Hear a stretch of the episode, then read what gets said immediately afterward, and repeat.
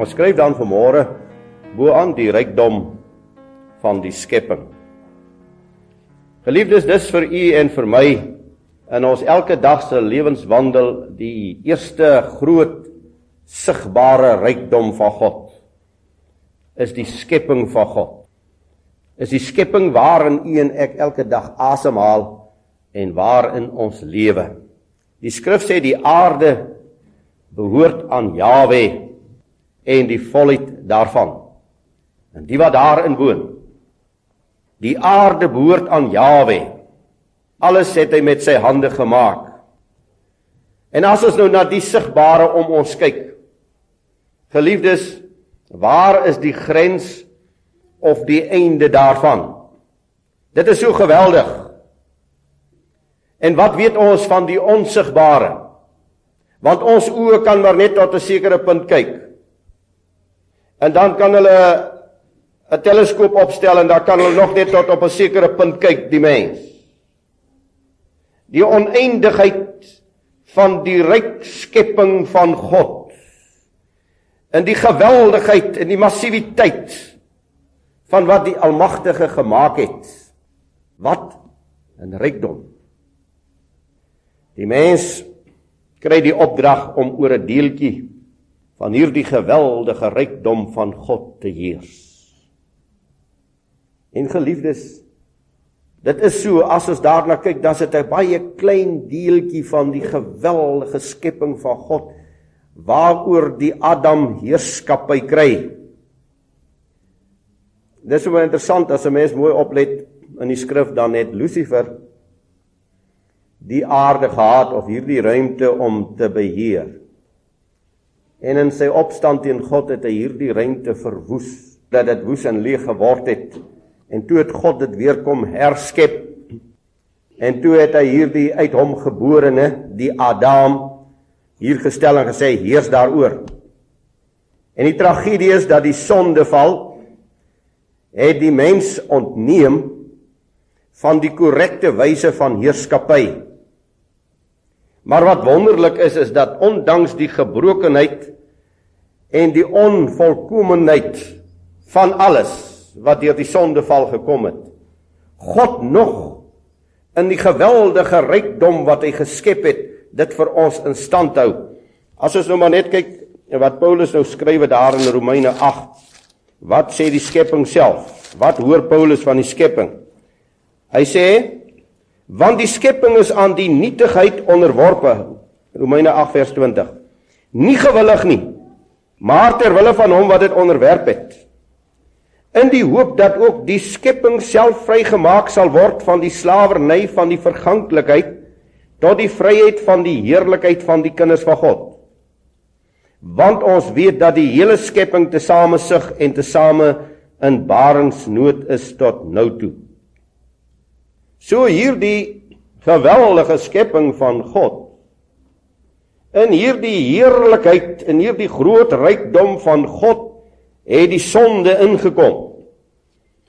En die sonde het hierdie rykdom se glans weggevat. Die sonde van die Adam het gemaak dat die heerlikheid en die glans van die aarde waarop ons vir ons bevind weggeneem is. En dit het sy dorings en sy distels na vore gebring. Sy pes en sy plaag. En so het die heerlikheid van die skepping verdof. En daarom is dit vir die totale skepping 'n pyn, die aarde met al sy pla in hom is 'n pyn vir die skepping en daarom kan Paulus dit hoor. Hy hoor dit met sy ore hoe dat hierdie ganse skepping sug is in barensnood vir die vervolmaking, vir die heerlikheid wat moet terugkom. Oor die eeue leef die miljoene bewoners van die aarde in hierdie dowwe gedeelte van die skepping van wie die sonde En ek wil hê jy moet so bietjie daaraan dink geliefdes want ons het 'n soort probleem. Ons raak aan alles gewoond en niks is meer vir ons besonders nie, maar dis besonders. Die miljoene bewoners van die aarde. dat die rykdom van God so groot is. Dat die rykdom op hierdie aarde so groot is. Dat alles wat loop en kruip en swem en vlieg en noem op leef uit hierdie aarde, leef uit hierdie atmosfeer rondom die aarde.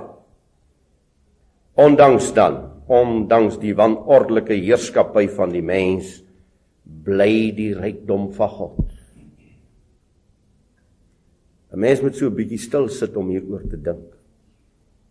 Ondanks die wanordelikheid van die aarde oor soveel jare, bly die rykdom van God.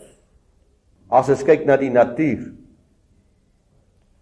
Dit is regtig iemand wat ver van God af lewe wat nie dikwels verstom gaan staan oor die rykdom van die natuur nie. Die ryke verskeidenheid van boom en plant en struik van diere van voëls en van see diere die geweldige rykdom die geweldige verskeidenheid hoe ryk het God dit nie gemaak nie? En hy het dit so magtig gemaak dat dit kon voortgaan. Sou die sondeval nie ingetree het nie watter heerlike proses sou kon voortgaan? En ek sê en ek herhaal ondanks die sondeval bly hierdie rykdom in die skepping wentel. Hoe ryk het die Almagtige dit gemaak. Ons word gevoed en geklee. En so baie van ons het eintlik nog maar so min gesien. Want die ruimtetjie wat ons in leef is so klein. Hoe baie het ons nog nie gesien nie in hierdie pragtige land waarin ons woon, hoe min van hierdie land het ons gesien? Hoe min van sy rykdomme en sy heerlikheid het ons al aanskou? Job Ons weet nie mooi wanneer tyd Job geleef het nie, maar hy het baie jare gelede gelewe. En nou lees ons in Job 28 want vir die silwer is daar 'n plek waar dit uitkom en 'n plek vir die goud wat hulle uitwas. Yster word uit die grond gehaal en koper word uit klip gegiet.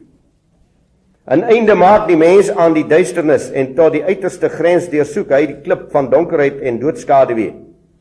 Hy breek 'n mynskag weg van hom wat bo woon. Hulle wat vergeet is deur die voet daarbo, hulle hang ver van mense af, hulle swaai heen en weer. Die aarde daar kom brood uit voort. Maar daaronder word dit omgewoel soos deur vuur. Die klippe daarvan is die plek van safiere en dit bevat stoffies van goud. 'n Pad wat die roofvoël nie ken nie en die oog van die valk het dit nie gespeur nie. Maar die trotse roofdiere nie waar die trotse roofdiere nie optrap nie, waar die leeu nie oorstap nie. Hy slaan sy hand aan die klipharde rots, hy woel die berge van die wortel af om. In die rotse breek hy gange uit en sy oog sien allerlei kosbare dinge. Hy stop waterare toe en dat hulle drup nie en wat verborge was bring hy aan die lig. Nou wanneer het Job gelewe? Hulle bepaal Job het gelewe daar aan die begin van die aardsvaders. En nog steeds is die mens op soek en 'n uithaler van die kosbare skatte van die aarde oor al die eeue.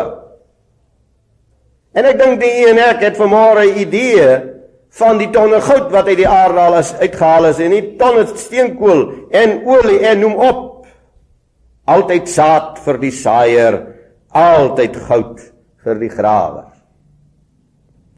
Staan ons verstom en verwonderd soos ek weer gisteraand die sterre hemel aanskou het omdat dit gisteraand besonder mooi was. Die geweldige rykdom van die skepping van God. Hoeveel verstaan ons van die skepping van God? Hoeveel weet ons daarvan? Wat weet ons van die 12-tal sterrebeelde? Wat die goddelike plan uitspelle in die lugruim vanaf die geboorte tot die oorwinning, vanaf die lam tot by die leeu. Kan die psalmdigter juig en jubel en is dit vir hom groot? Ons meester, ons Jahwe is groot en ryk aan krag. Sy verstand is oneindig. Sing 'n danklied tot eer van Jawe, Psalm sing tot eer van ons God met die siter. Wat die hemel met wolke oordek, wat vir die aarde reën berei, wat op die berge gras laat uitspruit. Wat aan die vee hulle voedsel gee, aan die jong rawe as hulle roep.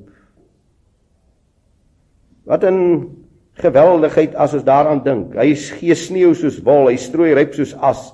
Hy werp sy ys heen soos stikke. Wie kan bestaan voor sy koue? Hy stuur sy woord en laat hulle smelt. Hy laat sy wind waai, die waters loop. Die rykdom bly onder God se bevel. Want geliefdes, as al hierdie ryke dinge nie onder die beheer en onder die majesteit van God bly nie, watter verwoesting sal intree?